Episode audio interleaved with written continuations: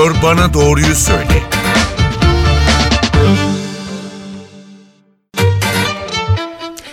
NTV Radyo'dan herkese merhaba. Ben Aynur Altunkaş. Yeni bir Doktor Bana Doğruyu Söyle programında birlikteyiz. Bugün Dünya Zatürre Günü. Bu sebeple zatürreyi ve diğer göğüs hastalıklarını eğer fırsatımız kalırsa konuşacağız. Live Hospital hekimlerinden İstinye Üniversitesi Tıp Fakültesi öğretim üyesi yardımcı doçent doktor Tuğçe Kasaboğlu Hürkal canlı yayın konuğumuz. Hoş geldiniz yayınımıza. Hoş bulduk. Teşekkür ederim. Sağ olun. E, dinleyicilerimiz de dilerlerse sorularıyla programa katılabilirler. 0212 335 47 20 335 47 20 canlı yayın telefon numaramız. Bugün zatürre günü zaten e, mevsimsel olarak da e, çok açığız bu tür hastalıklara, çeşitli enfeksiyonlara çok sık maruz kaldığımız dönemlerden geçiyoruz. E, en çok sorulan ya da merak edilen konularla başlayalım dilerseniz. Soğuk algınlığı, grip, zatürre bunlar hani kardeş gibi görünüyor e, ama muhakkak birbirinden farkı var. Nasıl anlıyoruz? Şimdi e, aslında bu güzel günde böyle bir enfeksiyonların çok e, pik yaptığı dönemde denk gelmiş olması ve konuşmak hakikaten çok bilgilendirici olacak diye düşünüyorum. E, şimdi üst solunum yolu enfeksiyonları e, ilerlediği takdirde e, zatüre dönüşürler. Şimdi e, zatüre akciğerde hava e, kesecikleri dediğimiz alveollerdeki hava değişiminin gerçekleştiği bölgenin enfeksiyon hücreleriyle dolduğu hastalık demektir aslında. Dolayısıyla e, bizim için e, niye önemli? E, adı zatürre olduğu zaman enfeksiyonun neden e, riskli ve hastalar açısından endişe uyandırıyor? Aslında bu sebeple. Çünkü hava yollarında enfeksiyonla dolduğu zaman e, hava yolu kesecikleri e, ak- akciğerin gerçek görevini yapacak olan oksijen ve karbondioksit değişim mekanizması e, görevini gerçekleştiremiyor Hı. ve hastalarda solunum yetmezliğine ilerleme dönemi tablosu oluşabiliyor. Basit bir grip, basit bir üst solunum yolu enfeksiyonu veya hafif bir bronşit ve alt solunum yolu enfeksiyonlarının da kontrolsüz aşamaya ulaşması da zatürreye dönebilir. Dolayısıyla zatürre aslında akciğerin e, diğerlerine göre daha ağır, daha komplike e, ve daha e, hızlı seyreden bir e, hastalık grubu olarak değerlendirebiliriz. E, üst solunum yolu enfeksiyonları grip, nezle veya bronşit daha çok akciğerin e, üst platformuna e, nazofarengeal dediğimiz ağız bölgesini, trakeayı ve akciğerin hava yollarının büyük hava yollarını tutan daha çok enfeksiyon odakları. Tabii ki bunların da kontrolsüz olması, tedavisiz olması ve hastalığa bulunan bir takım risk gruplarıyla beraber ilerleyici tablosunda zatürre dönebilir. Aslında ölümcül bir hastalık hatta hani son e, rakamlara göre de e, ölüm enfeksiyona bağlı ölümler arasında da Türkiye'de birinci sırada olduğu söyleniyor zatürrenin. Doğru. E, bazı rakamlar verebilir misiniz bu konuda? Şimdi şöyle e, zaten normalde e, zatürre enfeksiyonlara ait ölümlerde tüm dünyada Türkiye'de de olduğu gibi ilk sıraya yer almakta. E, ama genel olarak tüm ölüm e, oranlarına baktığımız zaman kalp hastaları, kanser hastalıkları ve e, trafik kazalarından sonra 5. en sık ölüm sebebini oluşturmaktadır ki bu çok yüksek bir oran. Tabi bu bahsederken çocuklar ve e, ileri yaşları e, üzerine altın çizerek vurgulamakta fayda var. Özellikle 2 yaş altı çocuklardaki ölümlerde çok ilk e, sıraları oluşturmakta. E, dolayısıyla zatürenin aslında günümüzde önem kazanması, bir takım tedavilerde e, ek faktörlere başvurulması, aşıların gündeme gelmesi de aslında bu sebeplerden dolayı. Ölümlerini engelleyebilmek için.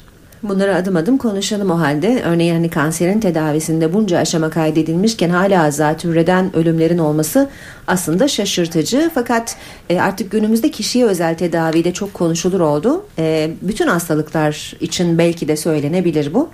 Ama biz şimdi zatürreyi konuşacağız. E, belirtiler karıştırılabilir. Griple, soğuk algınlığıyla, nezleyle. bu belirtileri biz nasıl ayırabiliriz?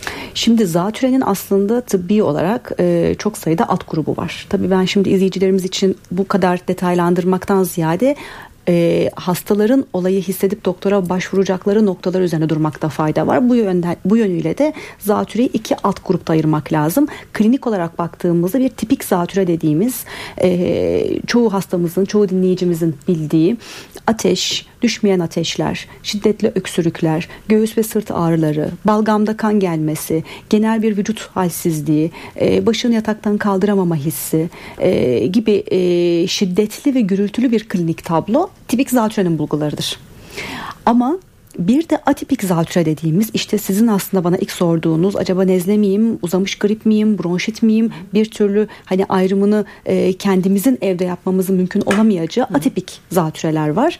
Atipik zatürelerde genellikle uzamış gripleri takiben, uzamış bronşitleri takiben, yetersiz ve etkin tedavi alınamamasının tablosunda olabilir ya da almış olduğunuz etken bir bakteri veya virüsün vücutta e, baskın olmasıyla e, karşımıza çıkan atipik zatüreler vardır ki bunların da temelinde daha çok tabii ki ateş vardır ama hiçbir zaman tipik zatüredeki gibi çok yüksek böyle 38,5-39-40'ları vurmuş bir ateş değil. E, yine bir e, öksürük gene bir balgam ama ön planda genel vücut şikayetleri gelir. Örneğin inanılmaz bir eklem kas ağrısı, e, anlamlandıramadığı bir takatsizlik, kırgınlık hali, bıçak saplanır gibi sırt ağrıları yer değiştiren, e, yine geçmeyen öksürükler ve uzamış öksürükler, kimi zaman balgamlı, kimi zaman balgamsız. E, bir türlü hayata normal enerjisi dönememiş hastalar aslında. Bunlar çoğunlukla atipik zatürenin bulgularıdır. Tabii hiç de zatürre demeyiz, kondurmayız. E, genellikle işte uzamış grip, ben griptim bir türlü iyileşemedim. E, çocuğum, kızım, işte eşim hastaydı, eve bir hasta hastalık girdi bir türlü toparlayamadık. Ee, öksürüyordum Öksürüğüm kuru kuruydu ama şimdi sanki balgam geliyor. Ateşim düşmüştü. Ateş düşürücülerle ama tekrar tekrar çıktı. Ya da dediğim gibi hiçbir ilaca cevap vermemiş ki genellikle birinci basamak e, destek hizmetlerinden fayda görüp de e, tedavi alıp da fayda görmeyip olayın uzamasıyla e, yine dediğim gibi başvurular olabiliyor. Ama atipik zatüre aslında e, birazcık daha biz hekimleri yoran e, tanı koymak açısından üst e, tetkiklere başvurmamız gereken e, grup olabiliyor. Peki bu arada telefon numaramızı hatırlatalım. 0212 335 47 20 335 47 20 bugün zatürreyi konuşuyoruz. Yardımcı doçent doktor Tuğçe Kasaboğlu. Hürkal canlı yayın konuğumuz. E, tedavide antibiyotik şart mıdır zatürrede? Şimdi zatürrede etken patojen önemli. E, bakteriler olabildiği gibi virüsler, parazitler olabilir. Bazen e, kusma gibi sindirim içeriğimizin e, akciğere kaçması gibi faktörler olabilir. Aspirasyon pneumonisi gibi. Bazen etken faktör klimalardan ve su tesisatlarının havalandırmadan gelen Legionella gibi bir bakteri olabilir.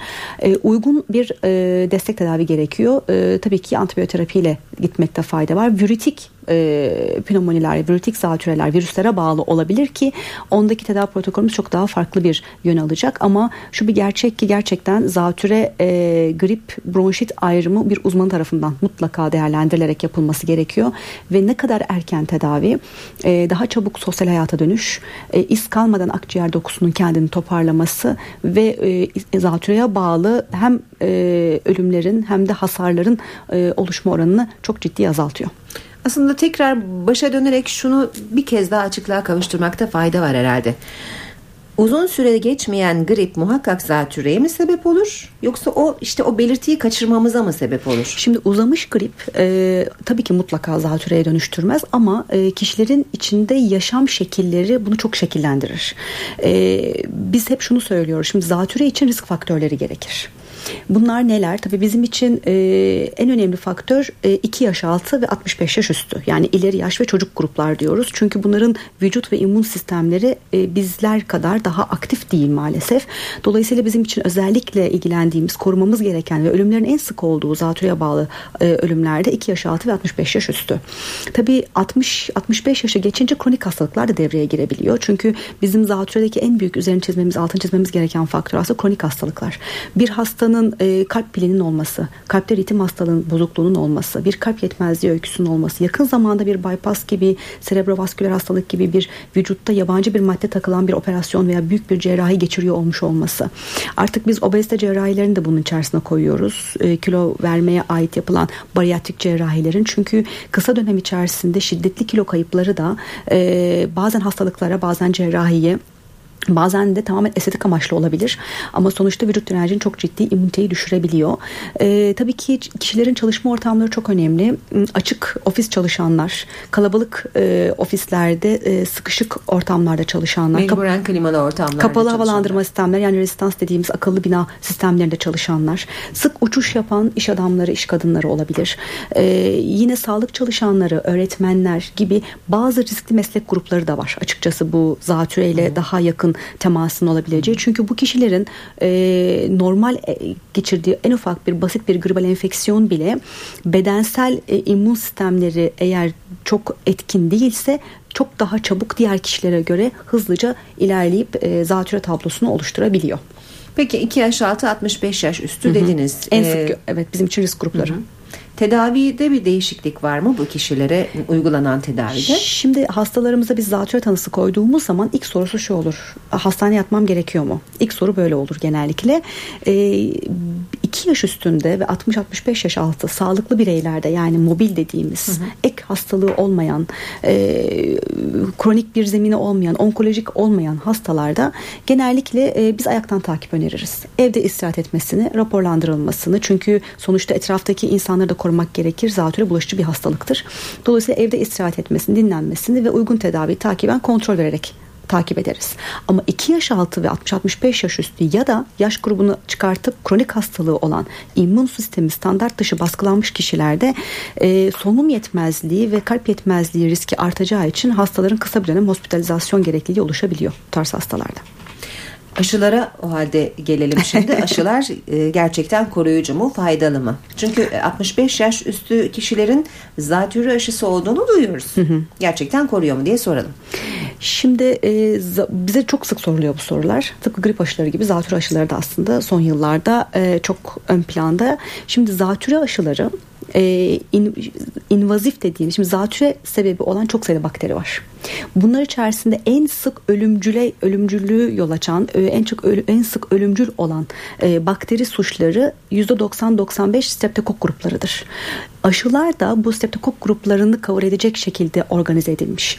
Dolayısıyla da e, tabii ki her zatüre etkeni bizim bakteriyel e, kana karışan bakteriyel olması gerekmiyor ama aşılar işte ileri dönemki zatürelerdeki özellikle komplikasyon dediğimiz kalp yetmezliği, solunum yetmezliği, e, yoğun bakım ihtiyacı gibi e, ek faktör doğurma oranlarını ciddi miktarda azaltır. Yani invazif bakteriyel enfeksiyonlara karşı evet koruyucudur. Ama tabii ki aşı olan kişi zatürre olmayacak diye bir kavram yok. Ama zatürreye ait komplikasyonları, e, yetmezlikleri, kalp yetmezliği, solunum yetmezliği ve ölümleri engellemek mahiyetinde biz aşıları bu yaş gruplarına şiddetle öneriyoruz. Peki bir dinleyicimizin sorusu olacak. Kendisini yayına alalım. Buyurun sizi dinliyoruz. Alo. Merhabalar. Alo. Merhaba buyurun sizi dinliyoruz. E, merhabalar. E, doktor, doktor hanıma da merhabalar demek istiyorum. Merhabalar buyurun. E, e, ee, 4 yaşında oğlum geçtiğimiz yıl bir e, az önce bahsettiğiniz bu uzamış e, hani grip gibi değerli aslında değerlendirilen ama sonradan tahlillerle işte ciğer RPS'ine bakılarak ortaya çıkarılan bir zatüre geçirdi. Hı hı. Hastaneye yattı. ikili antibiyotik tedavisi aldı. Penisilin ve makrolit grubu bir antibiyotik tedavisi aldı. Hı hı. E, damar yoluyla. Şimdi bizim kafamızda şöyle bir soru var. Yani e, eşimle birlikte Bundan sonraki süreçte e, pneumokok aşısı yaptırmamız gerekir mi? Hani korumayı nasıl yapmamız gerekiyor? Çünkü hani yaşı gereği itibariyle kreşe gidiyor ve bundan sonra sürekli bir eğitim hayatı içerisinde olacak. Hı hı. Toplum içinde olacak ve hani e, ülkemizde de toplum kaynaklı pneumoni de e, hani görülme sıklığı yavaş yavaş artıyor size bahsettiğiniz yayında. Hı hı. E, hani bu durumda hani bundan sonraki süreçte nasıl korunabiliriz? Bunu çok merak ediyoruz. Hani ve bu e, gerçekten üzerine eğildiğimiz ve kafa yorduğumuz bir konu. Bunu danışmak istiyorum. Çocuğunuz kaç yaşında bu arada? Şu anda 5 yaşında. Geçen sene geçirdi Sağlıklı. değil mi? Evet geçen sene geçirdi. Şu anda sağlıklı. Şimdi bize de çok sorular geliyor bu şekilde. Erişkinlerin çocuklarından da özellikle bu tarz enfeksiyon e, soruları geliyor.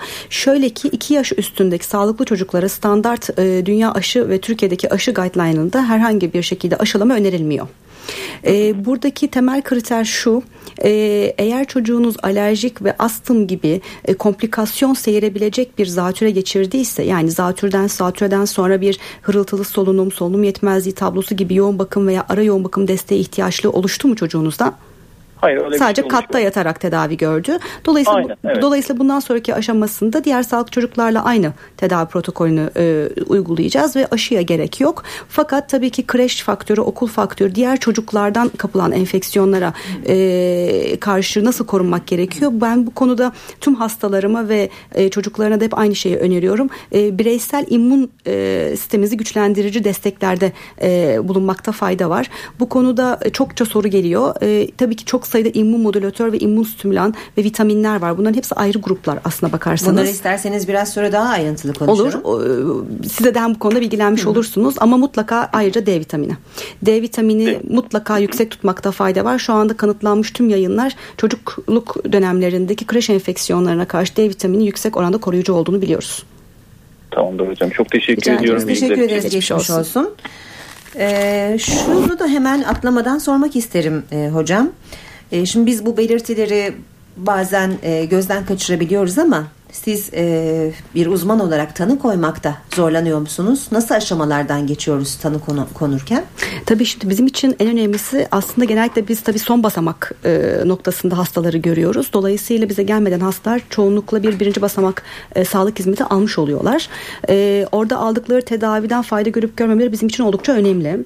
Hastaların hikayeleri çok önemli. Yani bir seyahat öyküsü olup olmadığı, bir e, yakın çalışma ortamı içerisinde hastalıklı bireylerin olup olmadığı ya da bir küçük çocuk tarafından eve sokulan bir virütik enfeksiyon zeminde olup olmadığı gibi e, eğer bunlarla ilgili hiçbir done alma şansımız olmuyorsa hastadan yani hiçbir bize e, işimize yarayan bir e, klinik bilgi alamıyorsak o zaman ilk yapmamız gereken tabii ki hastada muayene muayene yöntemlerinden muayene yönteminden sonra bir kan sayımı ve normal akciğer grafisi. Ama maalesef ki akciğer grafisi demin de örnek vermiş olduğum gibi tipik değil atipik olan yani standart dışı giden e, zatüre bulgularını her zaman göstermeyebiliyor. O zaman klinik olarak yüksek şüphede bulunduğumuz hastalarda da bir üst mertebe dediğimiz tomografiye başvurabiliyoruz. E, kontrast tomografi veya ilaçsız tomografi hastanın ek durumlarına göre e, biz bu şekilde e, tanıya gidebiliyoruz. Peki. Telefon numaramızı hatırlatalım 0212 335 47 20 335 47 20. E, bu immün sistemi güçlendirmeye gelmeden önce şunu da sormak isterim. E, bazı e, grip ilaçları diyelim hani çatı o olsun çatı hı hı. ismi. Herkes de aynı etkiyi yapmayabiliyor. E, ve artık tabii e, birçok insan kendi kendinin doktoru olma e, çabasıyla e, işte bu ilaç bana iyi geliyordu gideyim tekrar bu ilacı alayım şu soğuk algınlığından gripten kurtulayım gibi bir hataya da düşebiliyor. E, bu Etkiler neden bu kadar farklı? E, tamamıyla ilaçların farmakolojik özelliklerinden kaynaklı olduğunu düşünüyoruz. Çünkü gerçekten de nasıl ki X bir antibiyotik bir kişide ishal diğer kişide kabızlık yapabiliyorken grip ilaçları için de aynı şey geçerli. E, bir de şöyle bir tabi durumumuz var. Şimdi özellikle standart dışı giden grip e, zatüreler yani atipik e, zatüre kliniği olan kişilerde bu çoğunlukla kullanılan antigribal ilaçların içerisinde çok düşük de olsa bir ateş düşürücü ve antiinflamatuar ilaç olduğu için hastaların bir takım şikayetlerini baskılıyor. Dolayısıyla hastaların bizleri geliş sebeplerini, geliş süreçlerini de uzatabiliyor. Hı hı. E, o yüzden ben hep şöyle öneriyorum. Eğer ki bir kırgınlık hali, e, bir üst solunum yolu enfeksiyonu başlangıcındaki ilk 2-3 gün evet kullanılabilir. E, ama ondan sonra uzamış öksürük der ki özellikle 10 gün e, üşüme titremeyle gelen bir ateş şikayeti olduğunda lütfen e, basic bir ateş düşürücüye başvurulmasın. Çünkü kişinin kendisinin dışında etrafının da enfeksiyonla e, enfekte olma ihtimali yüksek bakteri ajanlarla. Dolayısıyla aslında siz bir kişi tedavi ederken çevresini ve ailesini de e, enfeksiyondan kurtarmış olabiliyorsunuz. Bir de tabii ki maalesef çalışma koşulları da e, son yılların iş hayatını da bu işin içerisine koyarsak eğer e, iş hayatının yoğun çalışma temposu ve yoğun stresi dinlenmeye maalesef az bir e, zaman ayrımı yapıyor ve aslında vücutların immün dirençlerini kişilerin en çok düşüren faktör de bunlar oluyor. E, ve lütfen hani buradan belki birkaç kere daha söyleriz Uykuya çok önem, iyi beslenme, doğru giyim ve iyi uyku aslında birçok belki de e, vitaminin ve immün desteği yerini alabiliyor ama maalesef kaçımız bunu yapabiliyoruz. Evde küçük çocuğu olanlar, e, erken işe gitmek için trafikte çok daha erken çıkanlar ya da e, biraz e, kendime zaman ayırayım, biraz sosyalleşeyim deyip uykusundan feragat edenler. Edenler. Hepsi kapalı şimdi kış dönemindesiniz. Kapalı havalandırmalar, kapalı binalar, herkes enfekte. Yani dolayısıyla çok olabilirliği olan bir faktör olmuyor. O yüzden o yüzden immün destekler ve vitaminler. Peki şimdi bir dinleyicimizle daha konuşacağız. Buyurun yayındasınız. İyi günler efendim. İyi günler. Buyurun sizi dinliyoruz. Ee, ben e, doktor hanıma bir soru soracaktım da. Buyurun. Ee, e, ismim Erdoğan Özel. Buyurun. 64 yaşındayım. Ee, Buyurun. e, benim ciğerde e, akciğerde bir nödüller çıkıyor. E, nödüller çıkıyor ve tazeliyor. Geçiyor onlar tazeliyor. Hı hı. Onların sebebi nedir? Şimdi bizden biyopsi yaptılar. Parça aldılar iğneyle. Hı hı. Onda bir netice koyamadılar. Hı hı. Ee, şimdi doktor diyor ki ben diyor sizden göğüs hastalıkları profesöre gittim şeydi Medipol'de. E, büyük bir parça almamız geliyor. O parça acaba tehlikeli midir? Çünkü bende öyle bir belirtiler yok mesela. E, yorucu bir şeyler yok. Anladım. E, tabii şimdi bunlar konumuz bizim bugün enfeksiyon ve zatüre ama tabii ki akciğerdeki nodül oluşumlarının çoklu sebebi vardır. Bazen geçirilmiş enfeksiyonlar olabilir. Baş- başka ek faktörlere, mesleksel maruziyetlere bağlı olabilir. E, tabii ki patoloji sonucu çok önemli. E, patoloji sonucundan sonra doğru yol almakta fayda var. E, hakikaten de filmlerle beraber e, bunu konuşmak çok daha doğru olur. Geçmiş olsun. Çünkü biz bunun o şeyini de çektirdik. Tomografisini Doğru. bilmem hepsini kan tahlilleri. Doğrudur E, işte e, her al- her ya- nodül her nodül tehlikeli olmayabilir. O yüzden de bunu bir e, yüz yüze e, bir enfeksiyon e, göz hastalıkları uzmanıyla görüşmekte fayda var gerçekten. Zaten tedavi oluyorum aşağı yukarı. Gidiyorum ben de e, Medipol Üniversitesi'nde göğüs hastalıklarına. Onlar da bir teşhis koyamadılar. Bunlar diyorlar ki iri bir parça alacağız yani en azından. Muhtemelen aldık alınan patoloji için yeterli gelmemiş materyal yenilemek gerektiğini Netice söyle. Evet, yenilemek onlardan. gerektiğini söylemişler. Bence doğru bir yol. Çok geçmiş olsun diyelim. Yani bu şu zararı olur mu bu parça aldı? Ee, dinleyicimizin sanırım sorusuna yeterli cevabı vermiş olduk. Bir başka dinleyicimizle daha konuşalım. Buyurun yayındasınız. Efendim? Sizi dinliyoruz. Yayındasınız. Buyurun.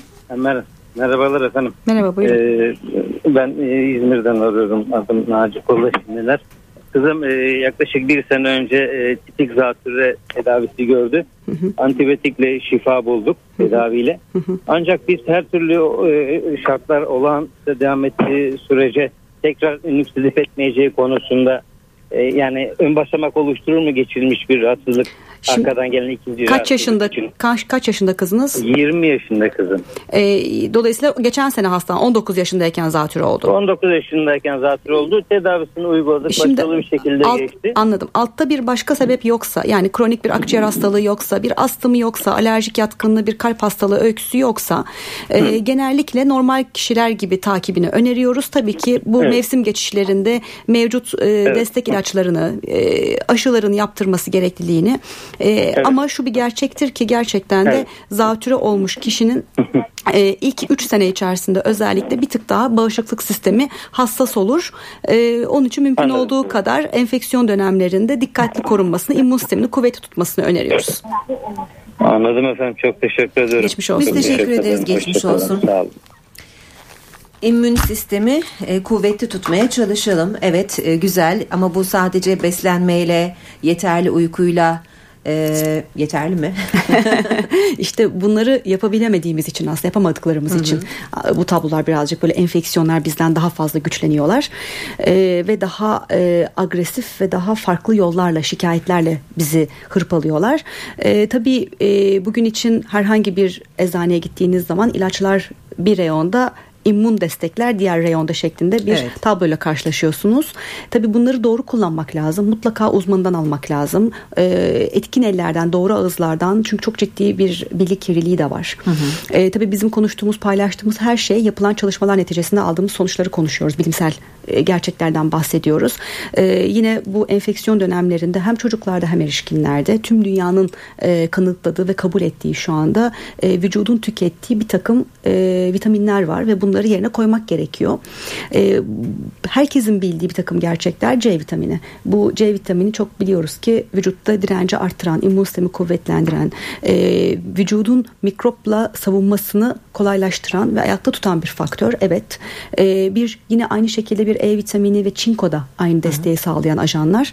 Element ve vitamin olarak baktığımızda ama e, maalesef D vitamini eski e, e, önemi kadar vurgulanmıyor. Hep D vitamini deyince sanki eklem kas e, hastalıklarında kemik erimelerinde daha çok ön planda veya çok küçük çocuklarda e, iskelet sisteminin gelişimi için kullandığımız evet. bir vitamin olarak bilinir. Halbuki biz biliyoruz ki D vitamini bir antimikrobik bir vitamindir. Aynı zamanda membran stabilizatörüdür. Dolayısıyla vücut enfeksiyonla baş ettiğinde erken dönemde özellikle ilk 3 ila 5 gün yüksek doz D vitamini bir uzman neticesi çünkü kilo bazlı değişir kiloya alınan vitamin oranına göre e, çok ciddi oranda özellikle enfeksiyonla kontrolde e, mikroorganizmanın vücuttaki yayılım ve inva, invazyon dediğimiz e, organ hasarı yapmasını çok ciddi engellediği saptanmış yapılan çalışmalarda.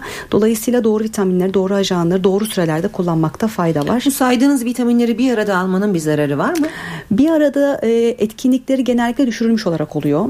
E, mutlaka aldıkları vitaminlerin içerisindeki dozlara, düzeylere bakmakta fayda var. Yani multivitamin deyip ben vitamin alıyorum zaten vücudumu kuvvetlendiriyor doğru bir ifade değil. Ee, çok basit bir örnek, çok daha yeni, yeni çıkmış bir taze bir yayından bir örnek vereyim. Yine yapılan çalışmalarda, özellikle Avrupa üzerinde yapılan çalışmalarda enfeksiyon dönemindeyken üst solunum, üst solunum yolu enfeksiyonu yani halk arasında nezle ve grip olduğunuz dönemlerde hafif boğazım ağrıyor dediğinizde 3 gün arka arkaya kilo başına 1000 ünite kadar bir e, D vitamininden bahsediliyor. Yani bu oran yüksek bir oran. Evet. Dolayısıyla da e, tabii bu D vitamini vücutta biriken bir vitamindir. O yüzden bu mutlaka bir uzman neticesinde onun desteğiyle almak gerekir ama yapılan çalışmalarda kısa dönem yüksek doz vitamin desteğinin e, enfeksiyon kontrolünde kullanılabilir bir vitamin olduğunu gösteriyor bizim için. Ama hastanın çok yüksektir D vitamini bu o kişiye uymaz. Dolayısıyla aslında bu immün destekleri de tıpkı diğer tedaviler gibi kişiselleştirmek gerekir. Evet. Ben mesela şunu da örnek vereyim. Diyelim ki çok şimdi bağlanan tüm hastalar çocuklarıyla ilgili sorular sordular genellikle. Evet. Çünkü çocuklar genellikle en büyük kaynak oluyor. E, büyükler için, ebeveynler için eve gelen enfeksiyon taşıyan faktörler. Onların basit bir e, ağız, burun ve üst solunum yolu enfeksiyonları ve virüsleri bizlerde maalesef o kadar basit ilerlemiyor ve önce bir hafif bir bronşit arkasından da bir e, zatüre dediğimiz pnömoni gibi bir klinik bulguyla karşılaşılabiliyor. O yüzden de destekler bizler ve onlar için de çok önemli.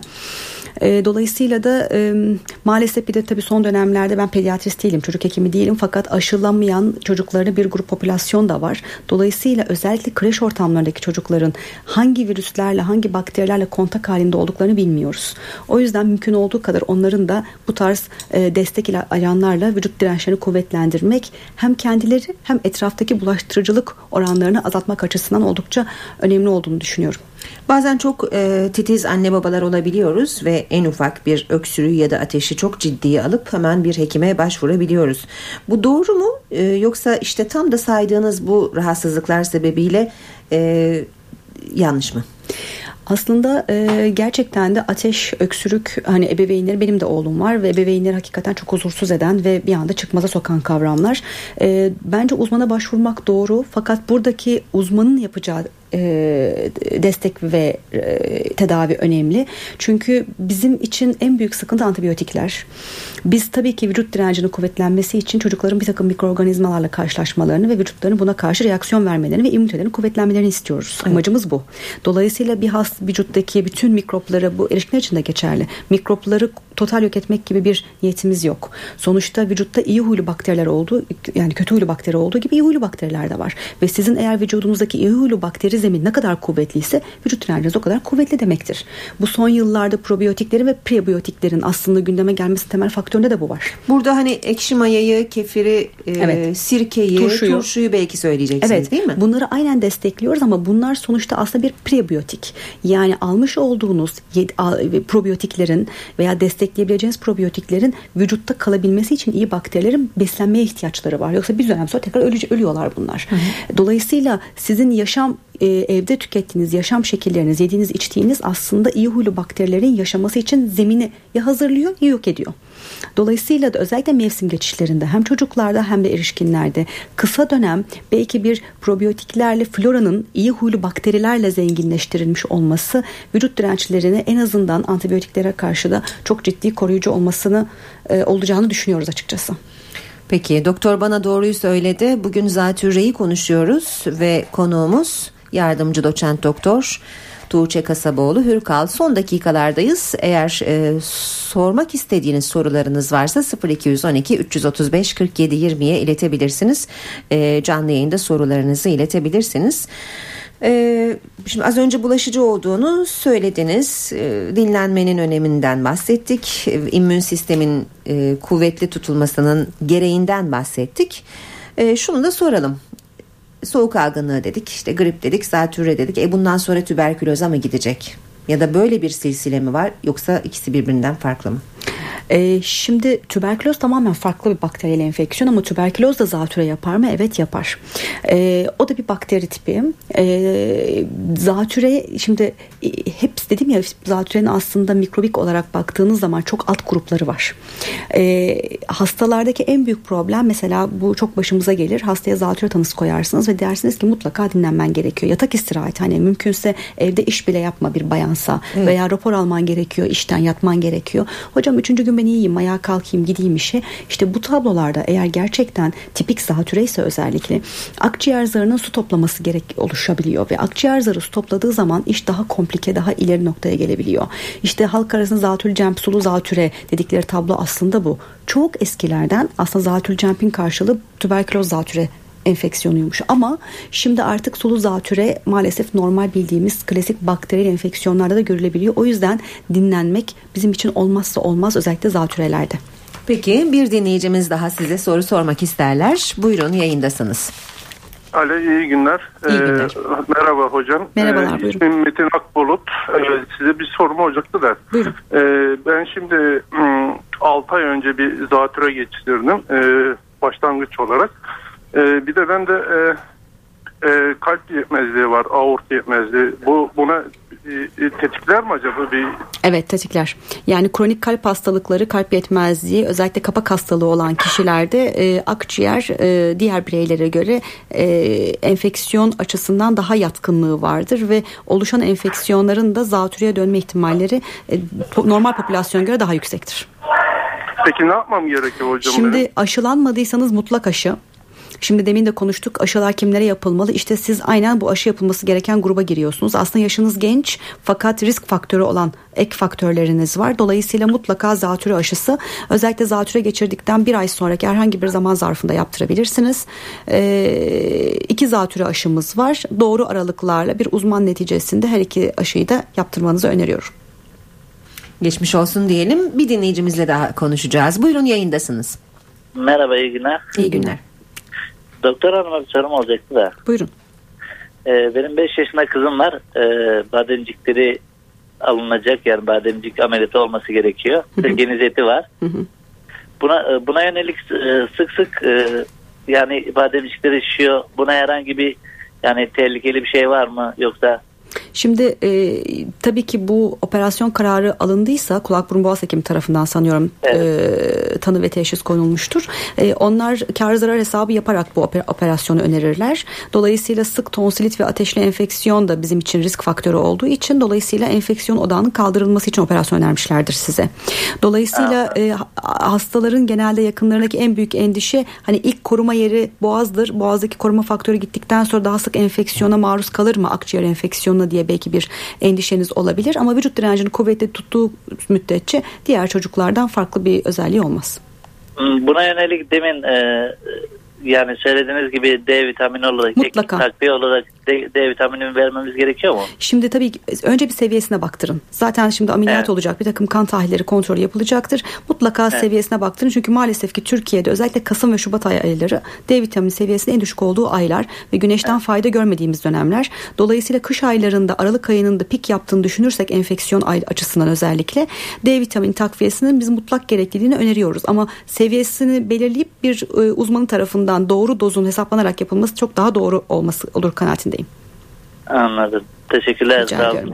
Geçmiş olsun teşekkür ederiz. Ee, bazen e, bazı faktörleri de gözden kaçırıyor olabiliriz. Örneğin yayın öncesi e, konuştuğumuzda e, zemindeki özellikle iş yerlerindeki halılardan bile geçebileceğini e, konuştuk. e, bunun gibi başka ne faktörler olabilir? Şimdi enfeksiyonun bulaşma yöntemleri yolları çok fazla. Hele ki solunum yolu enfeksiyonları en çok damlacık yoluyla bulaşır. Dolayısıyla ağız ağıza yakın konuşmak sohbet etmek, e, öksürmek, aksırmak, hapşırmak, aynı tabağı kullanmak, aynı çatalı, aynı aynı aynı bardağı kullanmak, el sıkışmak ki Türk toplumunda çok e, sık görülen öpmek, Öpüşmek, öpüşmek, evet. e, para transportu yapmak, e, para çekeceğiniz aletlerdeki parmakla kullandığınız yaptığınız kısa yaşları kullanmak. Toplu ulaşımda E, toplu demirleri, ulaşım koltukları tutmak, kesinlikle, birbirimize dokunmak. Kesinlikle kapalı havalandırma sistemleri, açık ofisler, e, AVM'ler yani bu konuda o kadar çok e, bulaşın sağlanacağı çünkü damlacıkla bulaşan ve temasla bulaşan bir etkendir. Ve e, biliyoruz ki biz bakteriler de virüsler de havalandırmalardan, gün ışığından e, çok ciddi zarar görürler. E tabii kış aylarında bunu bulma şansımız olmadığı için tabii şunu da altına çizmekte fayda var. Bakteriyel veya virütik enfeksiyon ajanına olan her kişi hasta olmaz. Enfekte olmaz. Evet, bu ama da taşı- önemli. ama taşıyıcı olabilir. Dolayısıyla da zaten aşıların 2 yaş altı çocuklarda tercih edilmesindeki en temel faktör bu. 2 yaş altını zatürre açısından aşıladığınızda ki yeni bizim Türkiye aşı rehberinde mecburi aşılar içerisine girildi artık zaten. Ee, aşılarsanız çocuktaki kolonizasyon dediğimiz bulaştırıcılık indeksini de kırıyorsunuz. Ama 2 yaş üstünü ve 65 yaş altını aşılamıyoruz standartta. Dolayısıyla biz bu aldığımız her türlü ajanı üst solunum yolu mukozamızda tutuyoruz. Bizim vücut direncimiz sağlam olabilir ama beraber olduğumuz bir dedenin, anneannenin, babaannenin, teyzenin, annemizin veya babamızın herhangi bir ek hastalığına bağlı vücut direnci düştüğünde bizim en ufak bir öksürüğümüz onlarda enfeksiyon etkeni oluşturur. O yüzden mutlaka sağlam bağışıklık ve sağlam ünite.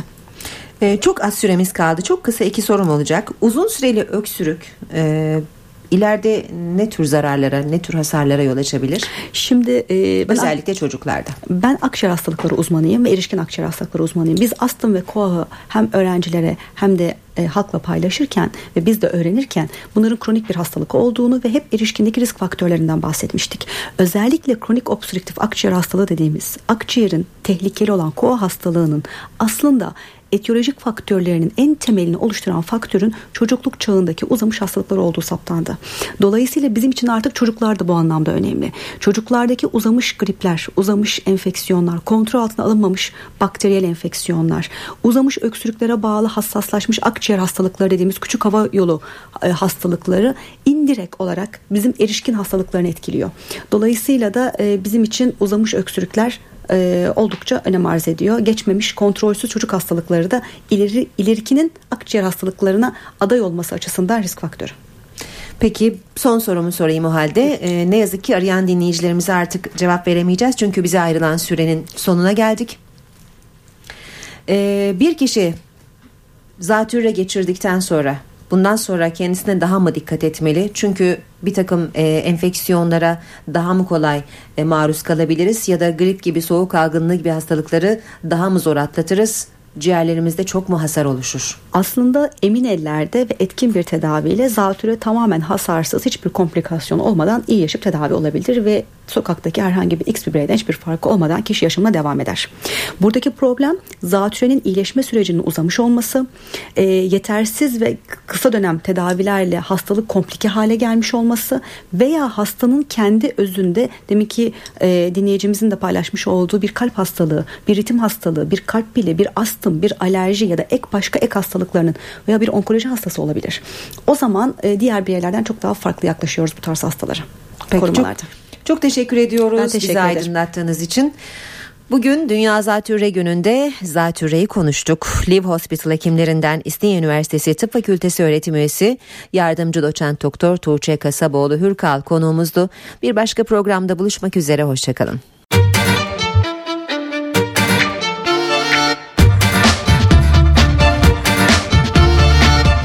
Doktor bana doğruyu söyle.